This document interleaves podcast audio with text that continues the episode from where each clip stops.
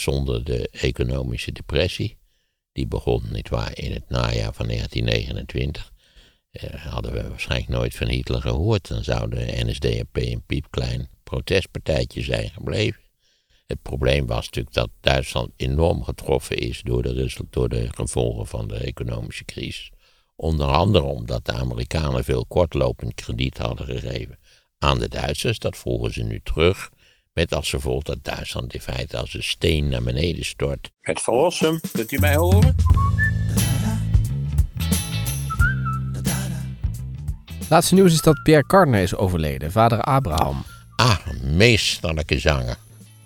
Geweldig, vooral het Smurfenlied. Dat is een van de hoogtepunten.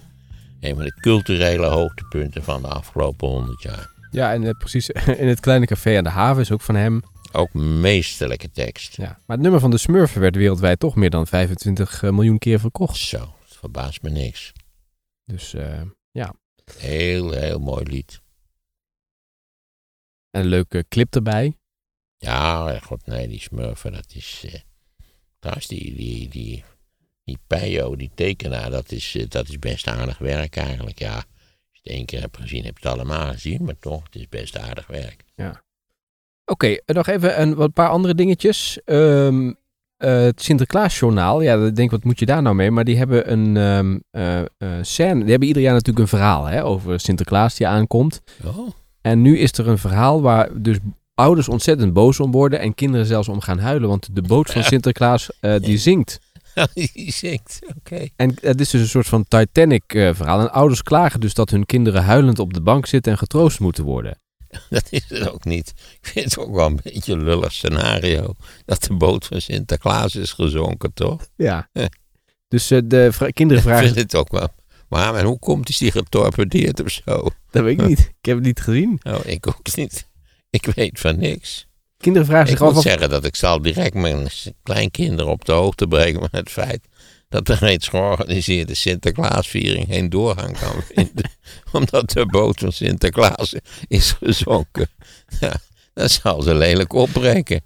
We hebben alles al georganiseerd. Ja. Kinderen vragen zich af of de pieten wel een zwemdiploma hebben. En of de cadeautjes zijn gered. Ja, dat is een hele interessante vraag. Had de Sinterklaasboot wel van die reddingsboeien? Boeien. Ja. Of nou ja, reddingsvlotten? nee, dat is niet het werk. Nou ja, hoe dan ook. Maar ja, Dit is een hele tragische zaak, dat begrijp ik wel. ja, ouders, ouders die zijn het programma nu in boycotten. Omdat ze het dus niet gepast vinden. Oh, wat mooi. Ja, dat is ook die opwinding al. Ik zou zeggen, kunnen die ouders niet tegen die kinderen zeggen... joh, het hebben ze verzonnen, ze wouden ook wat... eh, het is eigenlijk niet waar. Ja. Overigens heeft de NTR ook gereageerd en heeft gezegd dat Sinterklaas altijd een oplossing heeft gevonden voor problemen. Oh, kennelijk kan hij goed zwemmen. Nou moet ik zeggen, in die Sinterklaasverkleding... verzuip je gegarandeerd natuurlijk. Ja. Ja. Maar vind jij dat dit te ver gaat eh, eh, als programmamakers? Ik heb geen idee. Ik ga er geen oordeel. Nee, laat ik het laat ik dan zeggen. Eh, lieve luisteraars, ik ben geen Sinterklaasdeskundige. Ja, dat is ook goed inderdaad om aan te geven even, ja. Ik weet Ja. er niets van. ja. Ik heb geen contact met de goedheilig man. Nee. Nou, je hebt wel af en toe in het Sinterklaasjournaal gezeten. Nee, toch? Heb jij nooit in het Sinterklaasjournaal gezeten? Als, als... Nee, nee ik heb ooit een ruzie gekregen met de, met de officiële televisie Sinterklaas. Omdat ik zei dat hij zo'n waardeloos stafje had. Met Bram van der Vlucht? Ja, Oh, oké. dat, dat, dat wekte, ik wekte zijn irritatie. Dat was niet gespeeld. Dat was oprecht. was mijn indruk, ja. Maar dat, dat weet ik ook, ja. Zou je de scène terug moeten zien. Het was in die Max middaguitzending. En, eh, ja, ik kreeg er een soort van twistgesprek met die, met die officiële Sinterklaas. Die natuurlijk, god, voor de luisterende kinderen, moet ik even zeggen, van dat is niet de echte Sinterklaas. De echte Sinterklaas, die, die zweeft boven de wateren, zo moet je het be- beste maar zeggen. En, maar ja, het liep helemaal uit de hand. Dat was live op tv. Volgens mij wel, ja. Oké, maar normaal eh, weet Sinterklaas zich toch wel goed te, te beheersen in dit soort gevallen. Nou, die, die, die, die, eh, die media Sinterklaas, die was al een vrij kort aangebonden type volgens mij. Wat zei hij dan tegen je? Nou, dat weet ik niet, dat ik niet moest zeuren, geloof ik, over die staf van hem. Ik ben nou vergeten hoe het was, maar in ieder geval, ik, ik beledigde die staf, daar kwam het op neer. Ik vond het allemaal een beetje, beetje van, de, van de action, hè. Ja. Staf van de Action. Oh, dat zou niet leuk gevonden Heel hebben. goedkoop Chinees stafje. Oké. Hey, eh, ja, dus vandaag, we nemen op op eh, 11 november. En Ja, dat veel, is een interessante datum, hè? ja, mensen zullen zeggen Sint Maarten, eh, begin van het carnavalseizoen. Maar het is ook de, De 11e van de 11e heeft natuurlijk een allerlei magische betekenis, dat zul je begrijpen. Eh, eigenlijk hadden we dit natuurlijk moeten doen, de 11e van de 11e in het jaar 2011. Maar goed, dat zijn we. Toen hadden we nog geen podcast. Ja, het is de wapenstilstandsdag eh, waarmee de Eerste Wereldoorlog beëindigd is. Eh, en ik denk dat je de Eerste Wereldoorlog wel kunt zien als een van de allergrootste rampen die de mensheid is overkomen in de loop van de vorige eeuw. Natuurlijk de Eerste Wereldoorlog, de Tweede Wereldoorlog is ondenkbaar zonder de Eerste Wereldoorlog. En dan zit, komt die Koude Oorlog er nog achteraan. Maar kortom, het, die Eerste Wereldoorlog, een, een, eigenlijk in die vorm een totaal onverwacht conflict. Wat bovendien een einde maakte aan, aan een hele optimistische periode. Late 19e eeuw, begin van de 20e eeuw. Snelle economische groei. Het ging de wereld voor- de, voor de wind, zal ik maar zeggen. En toen kwam dat idiote conflict ertussen. Niet waar die gruwelijke slagpartij in, in die natte modder in Noord-Frankrijk in een tipje van Vlaanderen, waarbij 6 miljoen soldaten om het leven zijn gekomen, nog de dubbele zo'n beetje zware wond is geraakt. Eh, nou, denk aan de weduwe en de wezen die dat nou weer geproduceerd heeft. Dus ja, de Eerste Wereldoorlog was een dramatisch conflict. En nou ja, hoe, waarom komt het in, in 1918 aan zijn eind? Eigenlijk omdat de Duitse legerleiding wel inziet dat ze niet meer winnen kunnen. De Duitsers hadden in eh, begin van 1918 nog een groot offensief georganiseerd. Om de vrij eenvoudige reden dat ze wel begrepen dat eh, Amerika was natuurlijk in 1917 gaan deelnemen aan het conflict. En het zag er naar uit dat op grote schaal Amerikaanse soldaten zouden kunnen worden aangevoerd. Eh, ook in de loop van 1918. Dus de Duitsers, als we willen winnen, als we nog willen winnen, dan moeten we het nu proberen.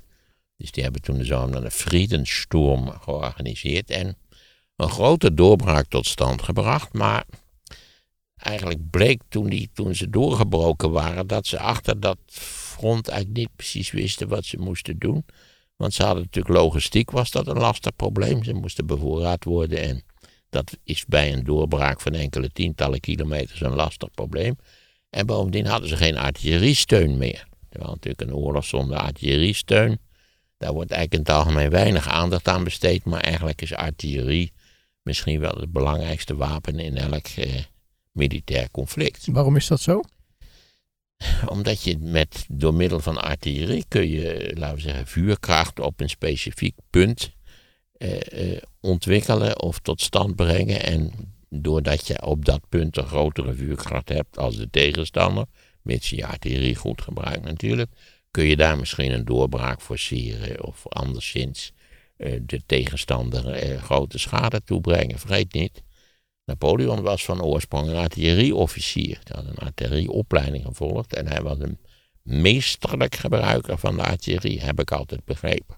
Dus ja, de artillerie is natuurlijk, het, het wordt natuurlijk aan leken nooit helemaal duidelijk waarom die artillerie zo belangrijk is.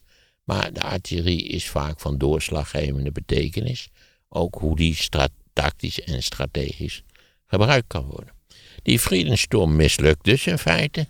En dan eh, zegt Ludendorff, die in feite de militaire leiding had. Hij had Hoen, Hindenburg en Ludendorff, maar Ludendorff was eigenlijk de bepalende stem.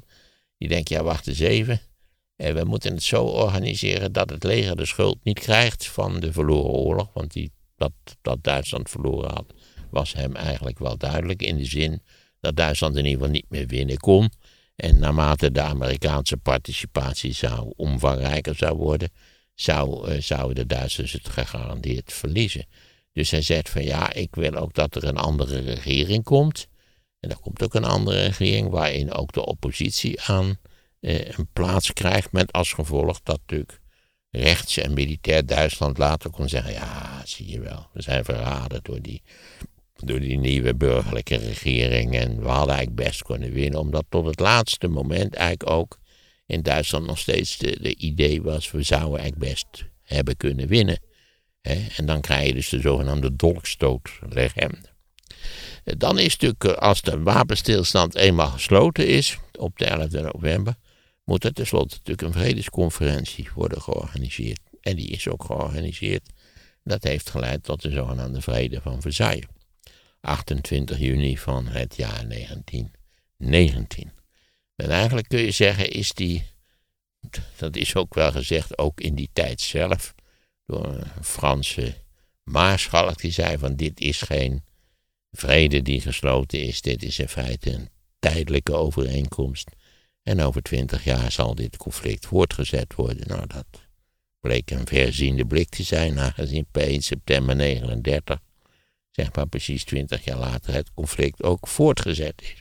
Maar de vraag is natuurlijk, waarom is het voortgezet? Hoe komt dat eigenlijk dat aan het eind van dit gruwelijke conflict, waarvan velen hoopten dat het de oorlog zou zijn die een eind zou maken aan alle oorlogen, hoe komt het nou dat twintig jaar later opnieuw mis was? En want dat, dat is goed, dat is in zekere zin goed te verklaren. Waarmee ik overigens niet wil zeggen dat het onvermijdelijk was dat dat ging gebeuren. Maar tegelijkertijd zit er wel een duidelijke causale relatie tussen de eind van de Eerste Wereldoorlog en de eh, begin van de Tweede Wereldoorlog. Eh, de hoofdrolspelers in, bij die onderhandelingen over de vrede, dat waren natuurlijk de Verenigde Staten, Woodrow Wilson, eh, dat was Engeland, Lloyd George. de Duitsers waren natuurlijk niet aanwezig.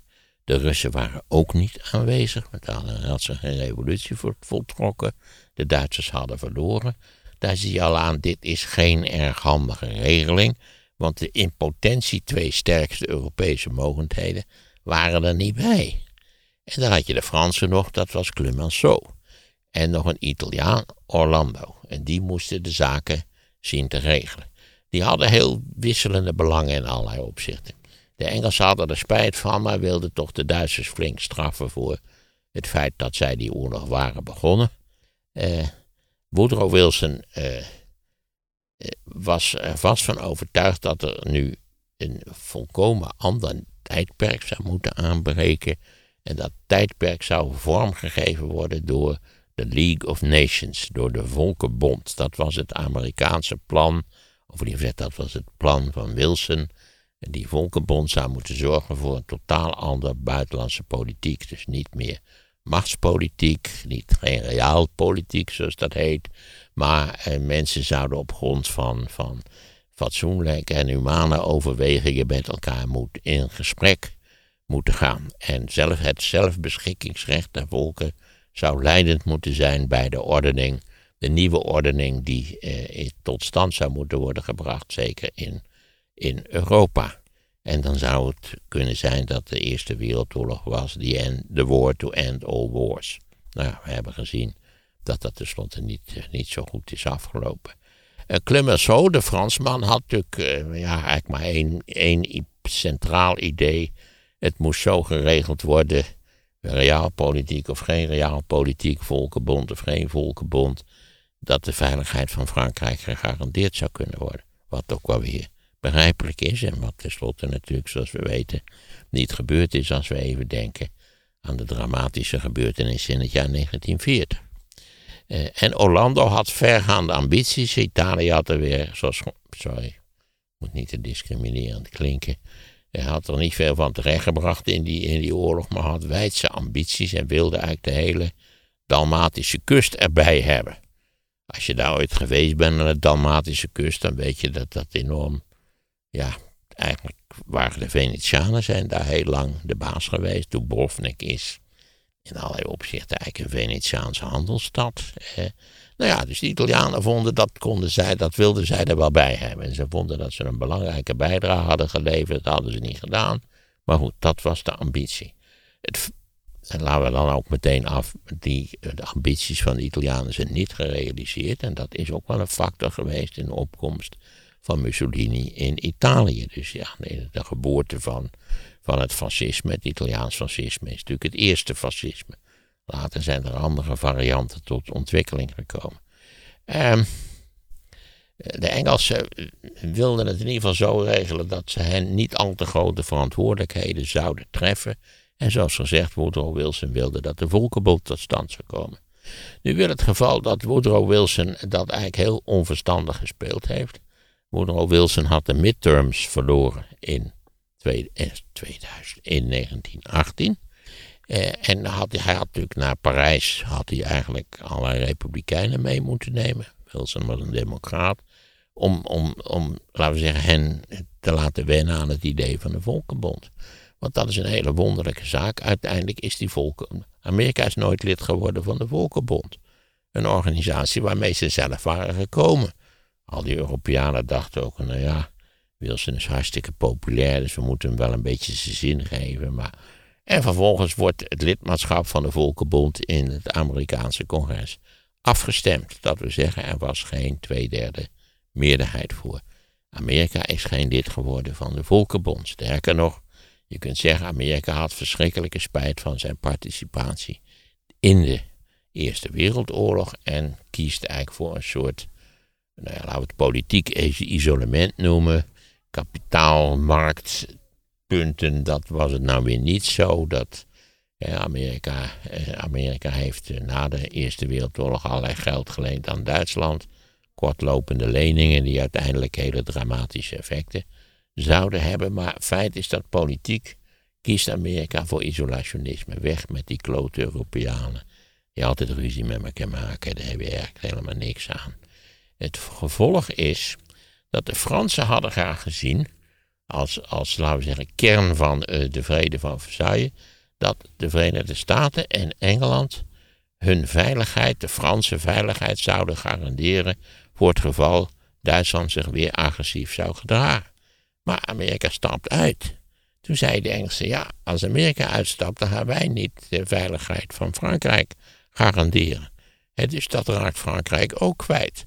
Frankrijk heeft eigenlijk na de vrede van Versailles geen garanties van die grote mogendheden die in feite voor Frankrijk of met Frankrijk de oorlog hadden gewonnen. Frankrijk komt er in feite in Europa alleen voor te staan. Want de voormalige bondgenoot van Frankrijk, Rusland, is in feite tijdelijk van het wereldtoneel verdwenen. Hou daar rekening mee. Eh, dus nou, wie hebben, nu hebben ze een beetje allemaal gehad. Zowel hè, de Amerikanen en Engeland willen eigenlijk nou, niet al te veel verantwoordelijkheden hebben.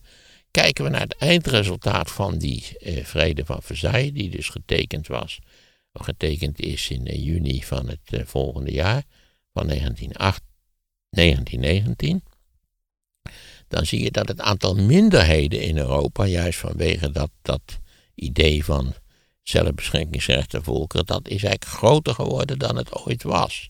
Op allerlei plekken wonen zeg, minderheden waarvan je min of meer op je vingers kon natellen dat het uiteindelijk problemen zou geven. Dus de, de ordening van Europa was complexer geworden dan die eigenlijk was. Wat ook samenhing met het feit dat een van de grote spelers op het Europese toneel, namelijk Oostenrijk-Hongarije. Dat was een, eigenlijk een, groot, een relatief groot rijk wat daar in het zuiden. Die waren nog samen toen. Ja, en dat valt uit elkaar in zijn samenstellende delen.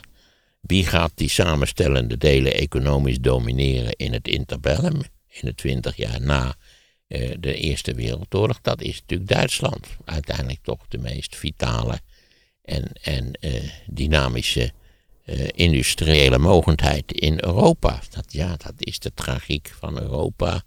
Niet waar dat Duitsland in feite altijd economisch nummer, nummer één is. Dus nu hebben we een heel wonderlijke situatie dat we eigenlijk de, de, de veiligheidsordening in Europa op zijn kop gezet hebben. Frankrijk voelt zich onzeker. Want ja, wie, wie, wie moet het doen? Dus Frankrijk zoekt ook naar bondgenoten in de jaren daarna. Eh, en als je het op wat langere termijn beschouwt, dan moet je eigenlijk zeggen dat Duitsland was de grote verliezer van de oorlog. En dat, dat is zo klaar als een klontje. Sterker nog, aanvankelijk heeft Duitsland geweigerd om het verdrag van Versailles te tekenen, omdat zij de schuld krijgen van de oorlog. Waren zij de enige schuldigen? Nee, dat, is, dat was ook niet verstandig.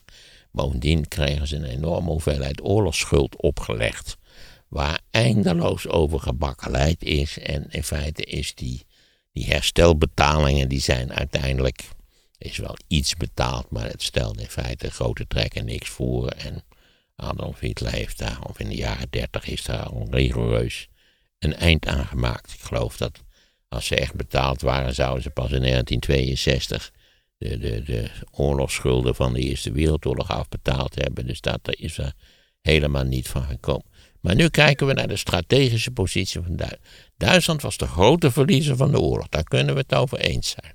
Zo voelden ze het zelf ook. Ze hadden bovendien de schuld gekregen van die oorlog. Maar kijk nou eens naar wat er op het internationale toneel veranderd was.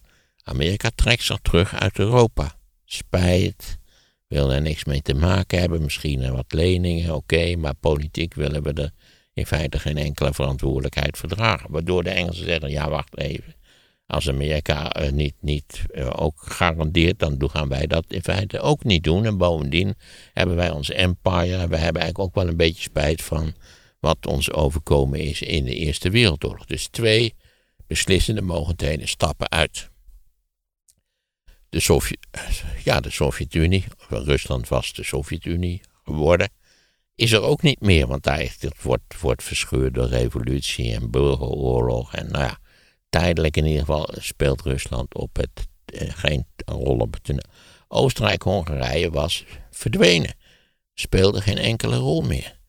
Dus als je nu naar het, het toneel kijkt, dan zie je eigenlijk dat Frankrijk zonder hulp, zonder garanties van eh, Engeland en de Verenigde Staten, laat staan het, het oorspronkelijke bondgenootschap ook met Rusland, Frankrijk staat er alleen voor. En Frankrijk is altijd een natie geweest die minder sterk was dan Duitsland. Dus Frankrijk is eigenlijk in het hele interbellum een beetje, een beetje in paniek. Daar komt hij de grote trek op neer. Maar als je er even over nadenkt, zie je dus dat Duitsland eigenlijk nu de sterkste speler is geworden op het Europese toneel. Want al die spelers die voor de Duitse nederlaag hadden gezorgd, zijn verdwenen. De bondgenootschappen die uiteindelijk die Eerste Wereldoorlog veroorzaakt hadden, zijn er niet meer. Kortom, de grote winnaar strategisch van de Eerste Wereldoorlog was Duitsland. En het was maar wachten, dit klinkt een beetje deterministisch, het was wachten tot iemand zou zeggen, wacht eens even, in Duitsland. Maar in feite is, uh, nemen wij een ijzersterke positie in en die positie moeten wij gebruiken. Want wij moeten in feite de, de, de, de vernedering van Versailles, die moeten wij onvermijdelijkerwijs ongedaan maken. In die zin kun je ook stellen, was het enorm stom om Duitsland te vernederen in dat vredesverdrag na de Eerste Wereldoorlog. Kijk, als ze al strategisch zouden hebben gedacht, dan zouden ze moeten hebben redeneren. Wij moeten Duitsland zo verzwakken dat het nooit meer kan doen wat het gedaan heeft. Wat na de Tweede Wereldoorlog eigenlijk gebeurt. Precies, ja. Hoewel je ook daar ziet hè, dat, ja, dat er zijn nog geen tien jaar voorbij, na 45, of we besluiten de Duitsers te beherbewapenen. De Duitse economie is weer de belangrijkste, dominante, snelst groeiende economie in Europa. En nou ja, die hebben toch, uh, ja, Frankrijk en Duitsland samen natuurlijk, die, die runnen de EU, maar... Uh, nou, de investeringen in oorlogsmateriaal zijn nu pas weer op gang gekomen door Rusland. Ja, ja de Duitsers hadden de, dat is ook altijd een interessante vraag, we dwalen even af. Zouden de Duitsers nog even goed kunnen vechten als ze vroeger konden? Ik denk van niet, maar dat, dat, dat, ja, dat, zolang het niet bewezen is, kunnen we daar geen uitspraken over doen. Maar we gaan keren even terug naar die situatie die ontstaan was na afloop van de Eerste Wereldoorlog. Kijk, als ze, ze hebben dus Duitsland vernederd. Ze hebben Duitsland opgezadeld met enorme herstelbetalingen. Al zijn die tenslotte nooit betaald, maar goed, dat wisten ze op dat moment niet. Duitsland heeft zelfs geweigerd aanvankelijk om die, om die vrede te, te tekenen. Ja, maar kon geen kant op natuurlijk. Ten slotte is het die vrede toch door de Duitsers getekend. Maar ja, met dolkstootlegende en, en, en de vernedering eh, ja, was er eh, een groot deel van de Duitse politieke elite ook alles aan gelegen om deze zaak zoveel mogelijk ongedaan te maken. En dat zie je ook gebeuren in het interbellum. Dus als ze. Eh, kijk, je kunt iemand vernederen en, en laten we zeggen. alle hoeken van de kamer laten zien. Maar dan moet je er wel voor zorgen dat die niet tenslotte weer terug kan komen. Hè, onder, die hebben een paar flinke klappen verkocht en zo. Twee blauwe ogen enzovoort. En je denkt zo, dat zit erop. Je klopt je handen af. Je trekt een nieuw overhemd aan en, en maar ja, ondertussen herstelt de, de aanvankelijk neergeslagen tegenstander, die herstelt zich. En bij de eerste beste gelegenheid, nietwaar, geeft hij jou een dreun waar je, waar je u tegen Zo is het in feite gegaan. Duitsland heeft, uh, ja, is natuurlijk onder andere als gevolg van de economische crisis, maar altijd bijgemengd met die vernedering van die Eerste Wereldoorlog, heeft Duitsland het nog een keertje geprobeerd. Dat was het, kijk, het primaire doel van Adolf Hitler was nog eens een keer de, een grote oorlog in Europa. En dan zou Duitsland winnen en niet verliezen. Want hij heeft meegevochten in de Eerste Wereldoorlog. Ja, zeker. Hij was, uh, hij was, hoe heet het, telegrambesteller aan het front. Dat hij het overleefd heeft, heb ik begrepen, is een godswonder. Hij heeft ook tweemaal het IJzeren Kruis gewonnen, als ik het wel heb. Uh, ja, het was een hoogtij in zijn leven, zo zag hij het zelf. En hij kon niet leven met die vernedering, hè? Nee, verschrikkelijk. Als hij dan weet hoe dat het, dat de, hoe heet het, de, de, de eh, hoe noem je dat nou, de, de zaak tot een einde is gekomen op die 11 november, dan schrijft hij ook in Mein Kampf. Dan hij, gaat, hij lag in een hospitaal vanwege een of andere gasaanval. En dan weent hij in zijn, in zijn kussen dat hij denkt, nou, dit is zo verschrikkelijk, dat, we nou verloren hebben, dat dat hij totaal, nou, kortom daar, dat is natuurlijk ook al een beetje achteraf opgeschreven, dat begrijp je, maar toch, ja, de impact van, die, van dat verlies, die was enorm. Bij veel Duitsers was die enorm. Dus je ziet dat de Eerste Wereldoorlog door allerlei omstandigheden zodanig afgehandeld is dat het, laten we zeggen, de gegevens voor een nieuwe oorlog in feite al klaar lagen. Al was het maar omdat Duitsland nog steeds de sterkste speler op het Europese toneel was. Ja. Waar de Amerikanen zich hadden verwijderd. Is natuurlijk door allerlei mensen gezegd, ja, als die Amerikanen nou de Franse veiligheid hadden gegarandeerd, dan zou Hitler wel, wel eh, duizend keer na hebben gedacht voordat hij Frankrijk aanviel in de zomer van 40. Hmm. Maar goed, dat hadden de Amerikanen niet gedaan. Sterker nog, die zijn natuurlijk pas aan die oorlog gaan deelnemen toen ze door de Japanners zijn aangevallen op 7 december 41. Hmm. Dus dat alles, al deze ellende komt voort uit die wapenstilstand van, 11 van de 11e november. Hmm. Waarom hebben ze Duitsland niet uitgenodigd? Wat was de argumentatie bij, die, bij, die, bij dat overleg? Duitsland waren de schuldigen. Duitsland moest, werd, moest gestraft worden. Duitsland was de kawaie pier.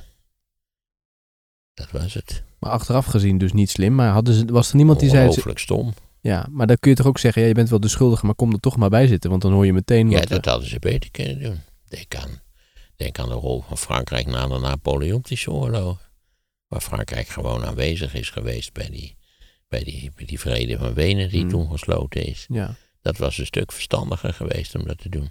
Ja. Het was sowieso verstandiger geweest om, nou ja, om, om A, Duitsland niet expliciet de schuld te geven. En, en, en, alleen Duitsland te straffen. Want als je kijkt naar die hele situatie die uiteindelijk leidt tot het begin van de Eerste Wereldoorlog. Dan, ja, Duitsland was daar wel, speelde daar een belangrijke rol in. Een belangrijke verantwoordelijke rol. Maar uh, er waren ook andere partijen die, die het ernaar gemaakt hadden. Ja. Dus in die zin was het ook wel vrij onrechtvaardig om Duitsland alleen de schuld te geven. Ja. En nog even over die wapenstilstand. Waarom kwam die tot stand? Omdat de Duitse legerleiding, Ludendorff dus, wel begreep nogmaals dat die, hij, het, het was voor Duitsland afgelopen. Hmm. En hij wilde ook, Ludendorff wilde ook dat het Duitse leger in feite tot een wapenstilstand zou geraken voordat het evident zichtbaar verslagen was en op het moment dat het nog in Noord-Frankrijk stond. Hmm. dat is ook natuurlijk in de Tweede Wereldoorlog totaal anders. Dan is van tevoren afgesproken, het is een vrede zonder condities. Of liever het een nederlaag zonder condities. De Duitsers hebben niets meer te vertellen. En dan wordt heel Duitsland na de Tweede Wereldoorlog bezet door de geallieerde, eh, geallieerde legers die Duitsland verslagen hadden. Ja dus dan krijg je een Engelse zone, een Amerikaanse zone en een Russische zone. En tenslotte hebben ze nog een Franse zone erbij gefantaseerd. Ja. Of nou ja, erbij gemaakt. Ja. Maar ik stel de vraag omdat Hitler volgens mij toen hij dat hoorde van die wapenstilstand, dat hij het niet kon geloven. Dat hij zei, we hebben nog kansen, we moeten doorgaan. maar dat was ook de bedoeling van Ludendorff. Dat als er als schuldigen gezocht zouden worden voor de Duitse nederlaag, dat die gezocht zouden worden in de lamlendige houding van die burgerregering die er gekomen was. Hmm. Hm. En zo is het ook gedaan. Zo is het ook gelopen. Terwijl Ludendorff in feite besloten had, die oorlog kunnen we toch niet meer winnen. Dus dan moeten we nu de zaak zo afhechten dat wij de schuld niet krijgen. Hm. Dat Wat- was het idee. Wat voor lessen zijn er uit deze wapenstilstand en al die besprekingen daarna getrokken die na de Tweede Wereldoorlog anders zijn gedaan? Want toen was Duitsland ook de verliezende partij en Ja. de schuldige. Zeker. Ja, en, en meer, veel meer de schuldigen dan in, in de Eerste Wereldoorlog het geval is geweest. Na de Tweede Wereldoorlog had Duitsland een enorme mazzel eh, dat de Koude Oorlog begon. Dat de Amerikanen eigenlijk al vrij snel tot de conclusie kwamen. Hebben we Duitsland verslagen, maar er is in feite een veel grotere en veel gevaarlijker vijand. Niet waar, die mondiale plannen heeft, namelijk de Sovjet-Unie. En het, en het bolsjewisme, om het zo maar te zeggen. En toen hebben ze natuurlijk al heel snel besloten dat ze zich daartegen zouden willen verweren. En dat leidt dan tot de oprichting van een militair bondgenootschap, de NATO. En, dat eigenlijk die angst voor, voor de Sovjet-Unie, die wordt steeds aangeblazen door de gebeurtenissen van de late jaren 40. De Russen ontwikkelen een eigen atoombom. Tot dodelijke schrik van de Amerikanen. Die dachten dat die Russen zo stom waren dat dat jaren zou kunnen duren. Maar nee dus. Eh, dan begint de Koreaanse oorlog, die volledig verkeerd geïnterpreteerd werd. Eigenlijk dan in 50, 51 zeggen de Amerikanen al ja, ja, ja. Duitsland zal moet, opnieuw moeten worden bewapend, want anders kunnen we Europa sowieso niet verdedigen. Ja. Maar zijn er wel lessen getrokken uit eh, achter, bij die Tweede Wereldoorlog onderhandelingen aan het einde, eh, uit die besprekingen na de Eerste Wereldoorlog? Lees, we moeten niet zo'n zo, zo'n streng richting Duitsland zijn. Nou ja, Duitsland heeft, eh, je weet dat in 47 is tot de Marshallhulp besloten. Eigenlijk ook van, denkend vanuit de angst voor het communisme. Het ging natuurlijk aanvankelijk eh, heel slecht in Europa. Armoede, honger, ellende, vreselijke winter, 46, 47. Eh, dus de Amerikanen dachten, we moeten er geld in pompen. Om te vermijden dat het, dat, laten we zeggen, de politiek radicaliseert. Ook in landen als Frankrijk en Italië waar de communisten een heel prominente positie hadden. En die uh, Marshallhulp is, is ook aan de Duitsers gegeven. Dus de Duitsers zijn al heel snel begrepen, de Amerikanen, dat de Duitse economie ook in de gelegenheid moest worden gesteld om zich te herstellen. Ja. En dat heeft bijvoorbeeld ertoe geleid dat, dat de D-mark wordt geïntroduceerd. Hm. Dus een, een nieuwe munt wordt geïntroduceerd in 1948. In wat tenslotte de Bondsrepubliek Duitsland zou worden. En die D-mark, dat, dat was echt een soort van, soort van klappertje wat, wat de Duitse economie eh, eigenlijk op gang gebracht heeft. Hm. Dus Dus ja, Duitsland heeft na de Tweede Wereldoorlog, ondanks die bezetting natuurlijk en die bezettingszones, alle kansen gekregen om zich heel snel te herstellen. En om snel te integreren in de, ja natuurlijk, dat wist niemand, maar het verbazende economische herstel in Europa. De gouden jaren Ja. begonnen in de late jaren 40 en hebben geduurd tot in de jaren 70. maar was dat een les van de Eerste Wereldoorlog? Van we moeten het nu wel Nou, anders aan. Nee, het werd, werd natuurlijk gestuurd door de praktische omstandigheden. Hmm. Dat de Amerikanen hartstikke bang waren voor de Sovjet-Unie. Hm. Naar mijn idee veel te bang. Hm. En hele, want je zou daar een nuttige les uit eh, doen. Nou, niet zo paranoia, paranoïde over, over China als jullie in de tijd eh, over die Sovjet-Unie hebben gedaan. Ja. Daar was naar mijn idee veel eerder wel een deal mogelijk geweest. Ja. Maar je ziet nu ook een parallel misschien met nu. Want nu wordt gezegd als Poetin straks aan de onderhandelingstafel zit, je moet hem een uitgang bieden. Anders heeft het geen zin. Dat was dus na de Eerste Wereldoorlog eigenlijk niet het ja, je geval. moet er rekening mee houden dat, wat, wat hebben wij vaak geconstateerd, Rusland ligt daar nu eenmaal. En het gaat niet weg. Ja. Maar dat gold dus ook voor Duitsland en, en, na de Eerste en of Wereldoorlog. dat door Poetin zou worden gedaan of door een eventuele opvolger, maar die zal altijd denken vanuit Russisch nationaal belang. Hm. En dat, dat moet een rol spelen in, in, het, in de regeling die je tenslotte tot stand brengt. Hm. Hm. En dat was na Wereldoorlog 1 dus niet het geval. Duitsland had geen uitgang. Nee, nee, nee, ze waren toch wel moreel heel erg verontwaardigd over datgene wat er gebeurd was. En de Duitsers kregen eigenlijk van alles de schuld. Ja. Wat, wat niet, niet terecht was. Want je zou kunnen beargumenteren dat stel dat straks, vragen ze wanneer dat ooit komt, eh, hè, met Oekraïne en Rusland, als die aan de tafel gaan zitten met allemaal partners eromheen, dat Rusland misschien ook wel gedwongen wordt tot herstelbetalingen. Voor alle ellende in Oekraïne. Nou ja, dat zegt de Oekraïne nu al, ik weet niet hoe, ze hebben tientallen miljarden geëist aan herstelbetalingen. Ja, daar kun je je afvragen, is dat verstandig? Eh, Het, is het verstandig om de zaken zo aan te pakken als het na de Eerste Wereldoorlog? Ik zou zeggen nee. Hoe moeilijk ook het zal zijn, want ja, wij vinden Poetin een vuile boef. En eh, wat het Russische leger heeft gedaan in Oekraïne is gruwelijk. Maar ja, wil je een, een stabiele situatie creëren voor de wat middellange termijn minimaal, dan zul je waarschijnlijk afspraken moeten maken waarvan veel mensen zeggen, nou, dat, dat vind ik afschuwelijk dat dat zo gaat. Mm. Maar we weten ook helemaal niet of Poetin opkrast, ja of nee. Nee, nee. Nog één vraag, eh, het- wa- wat ik me afvraag. Hè? Jij, Maar want- waar je altijd voor uit moet kijken, is dat een soort revanchisme.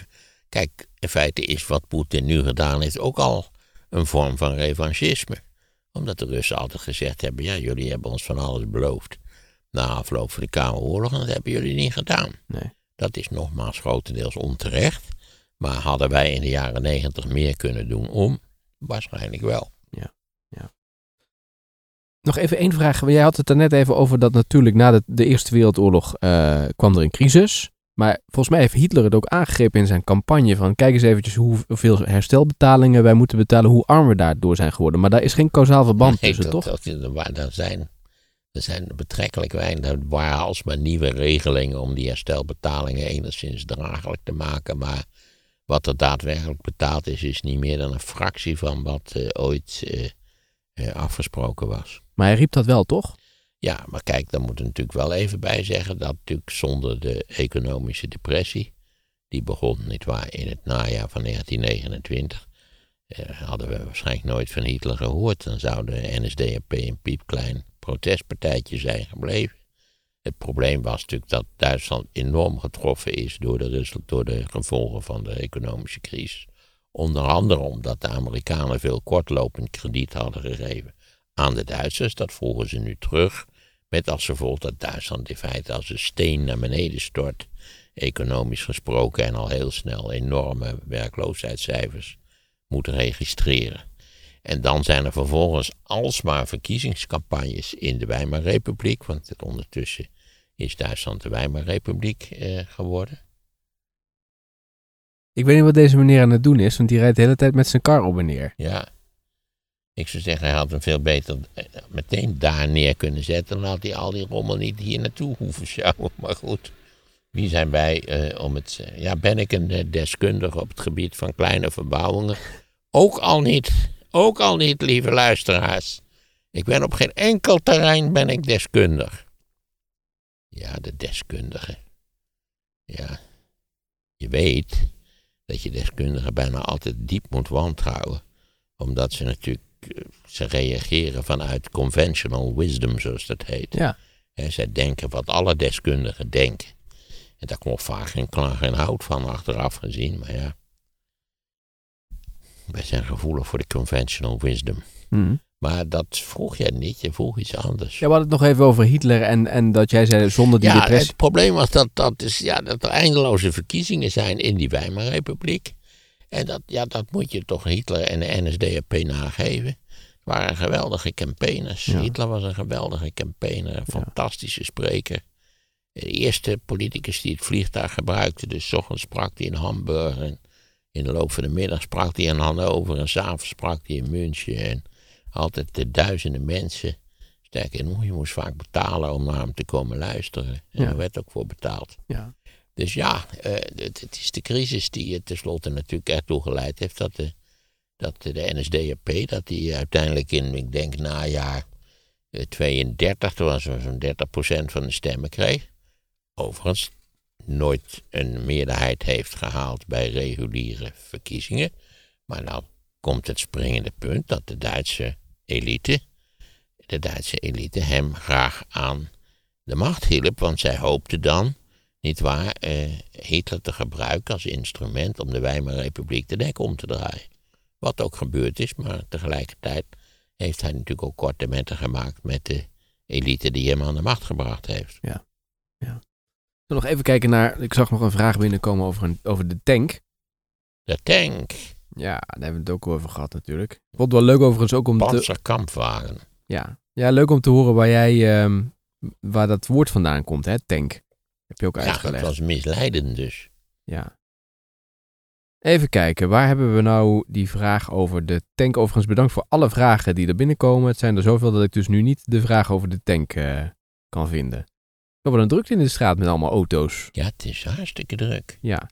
Vrijdagmiddag. Ja, oh ja, hier hebben we het. Eh, complimenten voor de tankopleiding eh, of voor de tankpodcast. En iemand zegt, ja, ik heb mijn tankopleiding heb ik in Amersfoort gehad. Oh, dat hebben we al gehad trouwens. Dus ja, deze, deze daar heb ik natuurlijk ook mijn wijsheid opgepikt. Ja, Ik heb dat toch ook al gezet, er staat een alleraardigst klein tankmuseum. je hebt gelijk. Alleen geloof ik dat je je moet legitimeren. En dus als je daar eens met je familie wil gaan kijken, moet je zorgen dat je allerlei legitimatie bij je hebt. Want u kijk, idioot is, je zou dat gewoon open moeten stellen. Ja. Maar er staan diverse interessante tanks. En het is ook eh, heel behoorlijk onderhouden.